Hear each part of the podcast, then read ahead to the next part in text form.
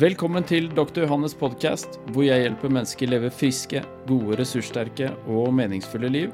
Jeg heter Johannes Ørbygg Nilsen. Jeg er lege, mentor, foredragsholder og filosof. I dagens episode skal det handle om følelsesmessig håndtering. Hva som er en sunn håndtering, og hva som er en usunn håndtering. Så hva er det jeg egentlig legger i følelsesmessig håndtering? Det er måten du responderer på, enten det er bevisst eller underbevisst, i forhold til positive og negative følelser når de dukker opp. Denne håndteringen den kan enkelt eh, deles opp i enten konstruktiv eller destruktiv, eller sunn eller usunn. En usunn håndtering, dvs. Si alt som øker sannsynligheten for at du får økt grad av symptomer, sykdom og samtidig får dårligere livskvalitet. Mens en sunn og god håndtering det fører gjerne til vekst, utvikling og velvære.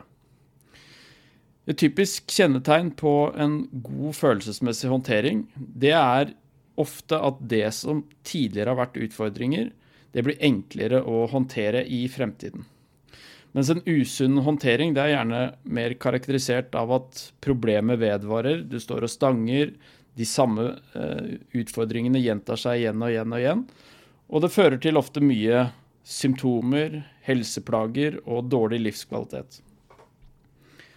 Ofte når det er snakk om tanker og følelser, så blir det omtalt som om dette er forskjellige ting.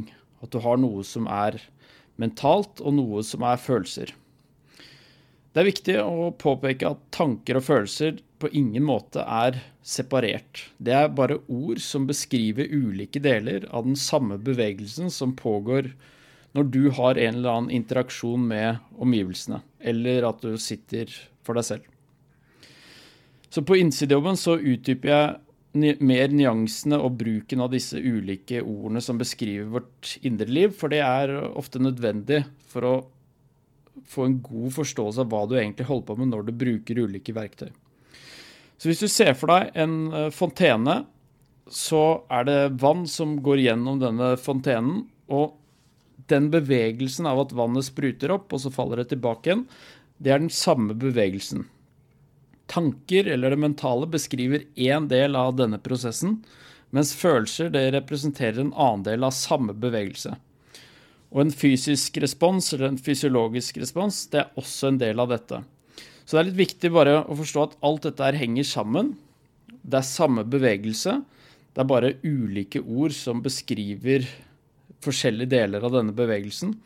Og På den måten så er det ganske enkelt å forstå hvorfor da tanker påvirker følelser, og følelser påvirker tanker. Og hvor oppmerksomheten eller fokuset ditt går mest, det er ofte det du føler at du opplever. Så hvis, du, hvis oppmerksomheten går mer mot den mentale biten av det, så er det gjerne da beskriver du det som at det er noe problem med tanker. Mens hvis oppmerksomheten og fokuset går mer mot den delen av prosessen som er følelser, så er det ofte utfordringer med da følelseslivet. Det å lære å håndtere eller administrere det indre liv, det handler egentlig om å lære ulike verktøy, metoder, men også øh, øke forståelsen i forhold til hva du egentlig holder på med når du benytter disse. Som jeg har nevnt tidligere også, så er det to hovedtyper, eller to måter du kan håndtere det indre liv på. Det ene er ulike aktive teknikker, metoder. Det andre er mer passiv eh, tilnærming, men også en slags metodikk. Da. Når det kommer til aktive verktøy, så dreier det i stort sett om å lære seg å endre oppfatning, og også å ta mer styring over de tingene du faktisk kan kontrollere, istedenfor å bruke masse tid på alt du ikke kan gjøre noe med. Passive metoder eller teknikker det dreier seg mest om meditasjon, som kan sammenlignes med det at du istedenfor å røre rundt i sølepytten, hvor du bare blir mer og mer grumsete, så tar du hånden din ut av sølepytten, og så klarner det mer opp av seg selv. Både i dyreverden og i, blant oss mennesker så er det egentlig to grunnleggende følelser som vi orienterer oss ut fra. Det ene er ubehag, eller smerte. Det andre er velbehag. Så de to er noe som styrer veldig mye hvordan vi oppfører oss i ulike situasjoner i livet. Studerer du psykologi, så lærer du ganske raskt at vi mennesker har veldig mange forsvarsmekanismer som tas i bruk når det oppstår ubehagelige ting. To av disse det er undertrykking og fortrengning. Og de er egentlig veldig vanlige. Og fortrengning det er en underbevisst forsvarsmekanisme der hvor ubehagelige følelser bare blir dyttet ut av bevisstheten, eller bare, bare fjernes vekk uten at du er særlig klar over det.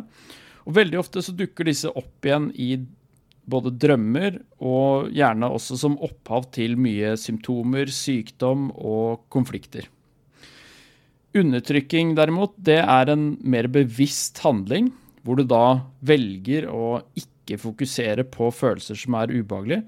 Så du er altså klar over det, men du bestemmer deg for å ikke tenke eller føle på det som er ubehagelig. Et typisk eksempel på fortrengning det kan være at du har opplevd noe som har vært veldig ubehagelig eller traumatisk i barndommen eller oppveksten eller ungdomstiden, som du ikke lenger husker, rett og slett. Og hvis du blir spurt om det, så svarer du at nei, vet du hva, det husker jeg ikke, eller jeg har hatt det kjempebra f.eks. hele oppveksten. Det er veldig, veldig vanlig. Et eksempel på undertrykking det kan jo være at det oppstår en eller annen krangel i livet ditt. La oss si du krangler med partneren din, eller altså kona, mannen din eller et familiemedlem. Men så skal du på jobb, og så velger du å undertrykke det som har pågått, slik at du kan f.eks. gjøre jobben din. Så undertrykking det kan bli til fortrengning, for veldig ofte når du da prøver å overleve i eget liv, eller bare komme deg gjennom hverdagen, så er det fort gjort at det som blir undertrykt, til slutt ender med å bare bli plassert usortert i kjelleren uten at det blir besøkt igjen. Og da det, har det konvertert fra å være undertrykking til å bli fortrengning. Og La oss si du blir klar over noe du har fortrengt veldig lenge, så kan du benytte undertrykking for å skyve det under eh, bakken igjen. ikke sant? Så, er, så, disse begrepene går litt over i hverandre også, som også er greit å vite litt forskjell på. Jeg vil si at i helsevesenet så er det veldig underkommunisert, eller lite fokusert på i hvert fall, hvordan fortrengning av både ulike tanker, følelser og opplevelser, hvordan det er med på å gi opphav til veldig mye destruktiv atferd, og dermed også ulike symptomer og plager i form av høyt stressnivå, men også etablering av masse uvaner som egentlig bare kamuflerer over ulike traumer som du har hatt tidligere i livet. Så grunnen til at det er veldig viktig å lære seg å håndtere følelseslivet på en god måte, eller det indre livet totalt sett, det er jo at det gjerne er opphav til veldig mye kamuflert sykdom og dårlig livskvalitet, som enkelt kan tas tak i. Litt sånn som Jung sa, at før du gjør det underbevisste bevisst, så styrer det livet ditt, og du kaller det skjebne. Det finnes jo en del eh, ulike teknikker, så la oss bare gå gjennom noen av de teknikkene som kan anses som gode, og en del av de som er dårlige. Så av bra teknikker så vil jeg jo si at alt som faller inn under kategorien som jeg beskrev av aktiv eller passiv håndtering, det er gode teknikker som også fører til vekst og utvikling, og det fører til at veldig mange av de utfordringene du kanskje har hatt tidligere, de blir enklere og enklere å ta tak i. Så både det å lære seg å endre oppfatning, det å lære seg å meditere, kanskje andre ulike eh, tilnærminger som yoga f.eks., det kan også pusteteknikker. Alt dette kan være med på å bidra til at du kan håndtere det indre livet på en bedre måte. En annen teknikk som egentlig er ganske bra, det er fysisk aktivitet, og gjerne noe som er ganske belastende. Så all form for fysisk aktivitet det er egentlig ikke en dårlig måte å håndtere ting på, selv om det ikke fjerner bort selve følelsesmessige ladningen som kanskje ligger der. Så er det med på å blåse ut litt energi, få ut en del frustrasjon, kanskje sinne. Så fysisk aktivitet er en fin måte å nullstille på. Men det er viktig å påpeke at fysisk aktivitet det fjerner ikke det følelsesmessige problemet eller løser opp i det. Det bare utsetter egentlig problemstillingen. Og så I tillegg så har det en helsebringende effekt. da. En annen metode som er eh, veldig veldig vanlig, det er jo å benytte seg av sosialt støtteapparat, eller sosiale relasjoner for å kunne håndtere ting når det er vanskelig. De fleste, når, når, det er et eller annet som er vanskelig, velger å ikke håndtere det selv, men de kanskje ringer noen eller oppsøker noen de kan snakke med. Og dette er, kan variere veldig i, i forhold til hva slags type mennesker du møter eller oppsøker når det er ulike utfordringer. Så egentlig all form for sosial omgang når ting er vanskelig, vil ha en, en slags god effekt. Men jeg vil også si at det er viktig å passe på at det ikke bare blir en quick fix som opprettholder en ond sirkel.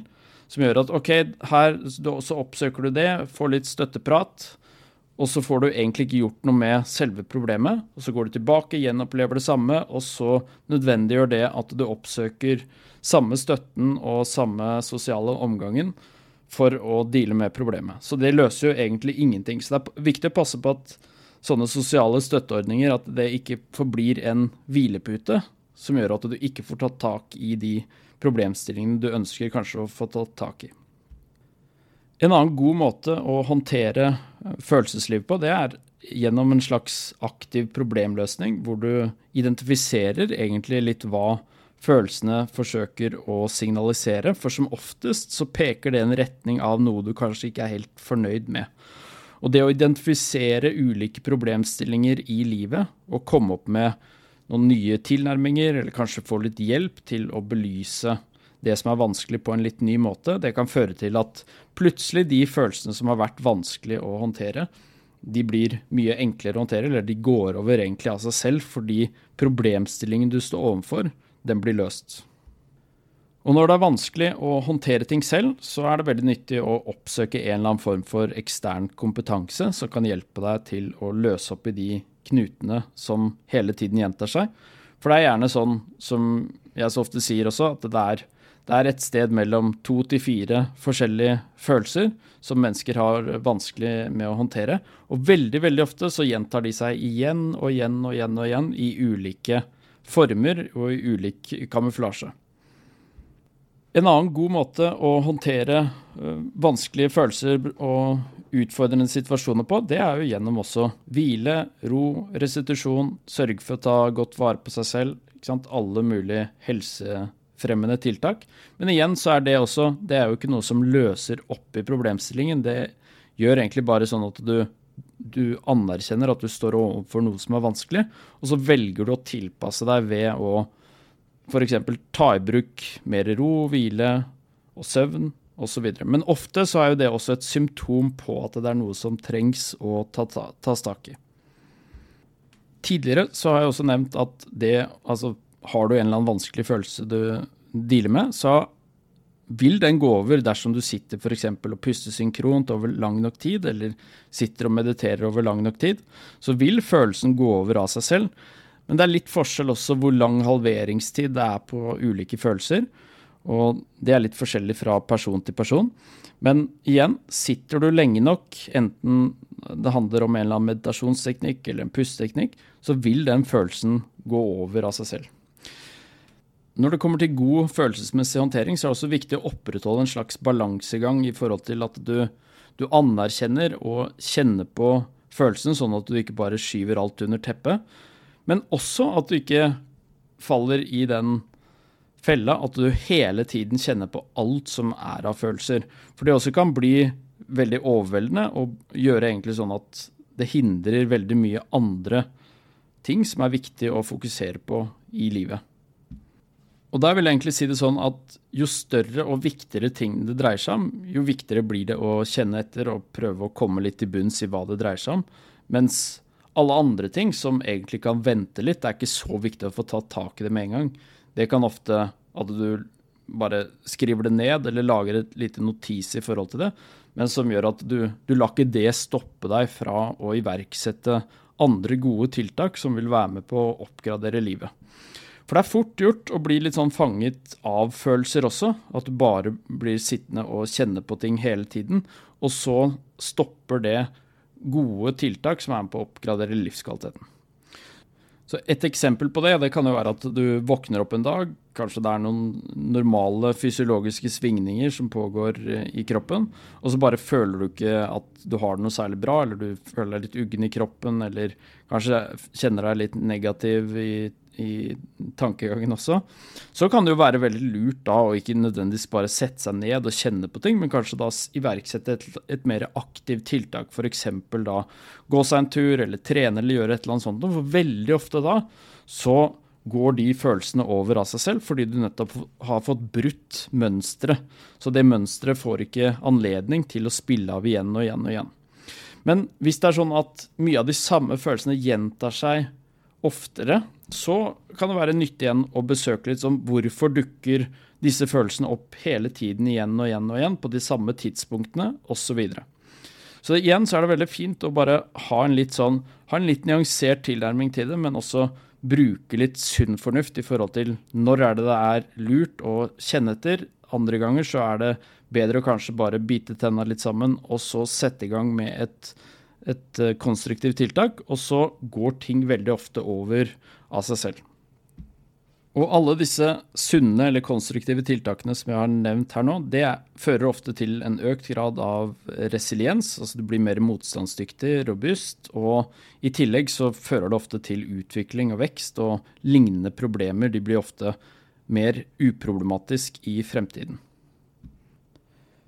Dårlige måter eller dårlige teknikker å håndtere følelseslivet på, det er egentlig alt som faller under kategorien quick fix, eller ting som bare er raske løsninger som gir et umiddelbart velbehag. Og det involverer bl.a. unngåelse, undertrykking og fortrengning. Det er jo klassiske ting som ofte fører til mye mer problemer på sikt. Og stort sett også når jeg har sett og jobbet mye med mennesker opp igjennom også, så ser jeg det at det er veldig mye sammenheng mellom de konfliktene som er i livet til mennesker, og de følelsesmessige problemstillingene som er ubearbeidet eller uløst, som de går og bærer på fra tidligere hendelser i livet. En dårlig metode, eller teknikk, som, hvis jeg kan kalle det det, som veldig mange mennesker bruker også, det er jo ulik rusbruk. Og rusen handler om rett og slett bare fjerne smerten, altså du bedøver deg selv, sånn at du slipper å tenke på ting. Og det kan jo fungere veldig greit som en veldig rask løsning der og da. Problemet med det er at det ofte er avhengighetsskapende, som gjør at igjen og igjen og igjen, når ting er vanskelig, så, så tyr du til disse tingene, som over tid ofte er med på å forverre livskvaliteten og øke mengden problemstillinger som dukker opp i livet. Både når det kommer til helse, men også når det kommer til den sosiale sfære, og også i forhold til jobb og, og karriere og de områdene. Et annet eh, mønster som jeg veldig ofte ser, og som sikkert du også ser i livet, det er jo at det er mange mennesker som fordi de har opplevd mye vanskelig, og som jeg har nevnt også før, som Platon var veldig opptatt av også, at når mennesker har en indre konflikt, så fører det ofte til veldig mye destruktiv oppførsel og atferd. Og det er veldig mange mennesker som oppfører seg og gjør veldig mye gærne ting og finner på veldig mye destruktivt, nettopp fordi de går og bærer på noe som er uløst. Det er noen følelsesmessige ladninger, det er noen vanskelige opplevelser i fortiden som bare har blitt fortrengt. Og så er symptomet på dette er rett og slett hvordan de oppfører seg. Så typisk her også er at hvis du gjenkjenner det hos andre, at det er veldig mye destruktiv oppførsel eller destruktiv atferd, eller det er i eget liv, så er det oftest et symptom på at det er et eller annet underliggende som trengs å tas mer tak i. En annen dårlig metode, eller teknikk igjen, det er jo å benytte seg av ulike fluktstrategier, og det er jo alt mulig som fungerer som distraksjoner. Og her igjen er det selvfølgelig og bruke litt sunn fornuft i forhold til det. At det er, det er jo ikke, er ikke noe problem om du har, har, det vanskelig, og så setter du deg ned og ser på TV, Netflix eller bruker sosiale medier. Men mer og mer så ser vi også fordi veldig mye psykiske utfordringer og problemer med det indre liv, det dukker opp mer og mer av det. Nettopp fordi det er så enkel tilgang på noe som kan gi deg raskt velbehag. Og husk på hva jeg nevnte i forhold til at orienteringen som vi mennesker har, og som dyr også har, det er jo nettopp den å prøve å komme seg vekk fra ubehag mot et velbehag. Når du har tilgang på all mulig slags underholdning for evig tid i lomma i form av en mobiltelefon, så er det selvfølgelig også at denne kan bli en kilde nettopp til å hindre fremgang når det kommer både til å oppgradere livet, men også lære seg å håndtere følelser og tanker på en god måte. Den siste metoden som jeg tenkte å nevne i forhold til dårlige teknikker, det er jo bare rett og slett fornektelse. At du sier at du har det kjempebra, og så har du det egentlig ikke bra i det hele tatt. Eller at det er et problem i livet, og så velger du bare å skyve det under teppet og late som om det ikke eksisterer. Det er jo veldig ofte en, en veldig dårlig tilnærming, som igjen vil føre til ofte mye rusbruk. Det fører ofte til mye avhengigheter, destruktiv oppførsel, og også mye komplikasjoner både når det kommer til helse, søvnkvalitet og relasjoner i livet også. Du vil også møte veldig mange mennesker i livet som sier at jeg er, jeg er, et følelsesmenneske, eller jeg er rasjonell, eller kanskje du sier det selv også. Og det er veldig typisk å dele det opp litt sånn enten-eller. Enten så er du følelsesmenneske, eller så er du rasjonell. Jeg vil jo kanskje anbefale å si at det er bedre å ikke definere deg nødvendigvis som det ene eller det andre. Fordi veldig mange følelsesmessig, såkalt følelsesmessige mennesker de trenger ofte å lære seg å håndtere følelsesliv på en litt bedre måte. Altså de må lære seg litt mer såkalte metakognitive ferdigheter. Mens de som er rasjonelle, ofte trenger å lære seg litt mer følelsesmessig sensitivitet, og det å lære seg å kjenne litt mer etter i forhold til følelsene. Så det å ikke definere deg som det ene eller andre vil ofte gi deg et mye større utviklingspotensial enn hvis du sier at jeg er bare følelsesmenneske eller jeg er bare rasjonell. Det kom også et spørsmål inn i forhold til når er det sunt versus ikke sunt å kjenne på en vond følelse. Og det nevnte jeg litt i sted også, i forhold til at det å kjenne på en vond følelse, det kan være nyttig. Særlig hvis det er noe som gjentar seg igjen og igjen, at det er noe som er ganske frekvent i livet, så kan det være veldig lurt å få kjenne på den følelsen og identifisere litt hva som er opphavet til det.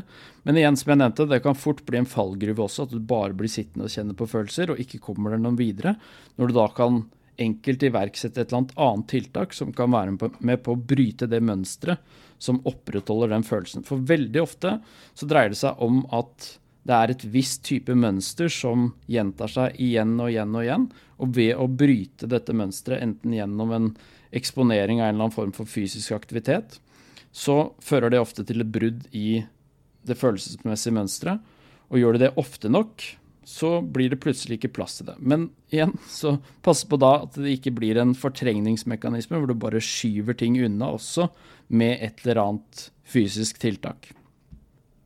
Det er jo også blitt mer og mer populært med kuldeeksponering gjennom isbading eller kalde dusjer osv. Og, så og det også vil jeg karakterisere som et fysisk tiltak som er med på også, som fungerer. Altså mekanismen til hvorfor det hjelper med ulike vanskelige følelser eller tanker, eller hjelper til å stoppe opp litt aktivitet eh, når det kommer til mentale prosesser, så er jo det nettopp fordi en kuldeeksponering er et slags sjokk som bryter det pågående mønsteret, som igjen blir en slags restart.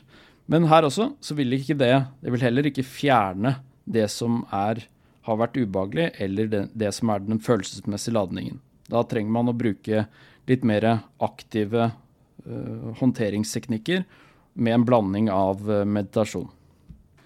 Så for å oppsummere så vil en sunn følelsesmessig håndtering det fører til at du utvikler deg. Det løser ofte opp i problemstillinger som gjør at det blir enklere og enklere å håndtere ting. I tillegg til at også det øker sannsynligheten for at du får bedre helse og god livskvalitet.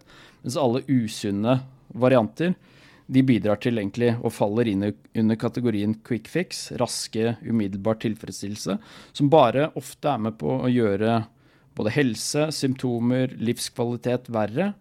Og igjen så blir de samme problemene ofte vedvarende, altså du stagnerer din egen utvikling. Det var alt jeg hadde for i dag. Jeg vil bare takke deg for at du tok deg tid til å lytte til denne episoden. Jeg håper det har vært lærerikt, stimulerende og tankevekkende.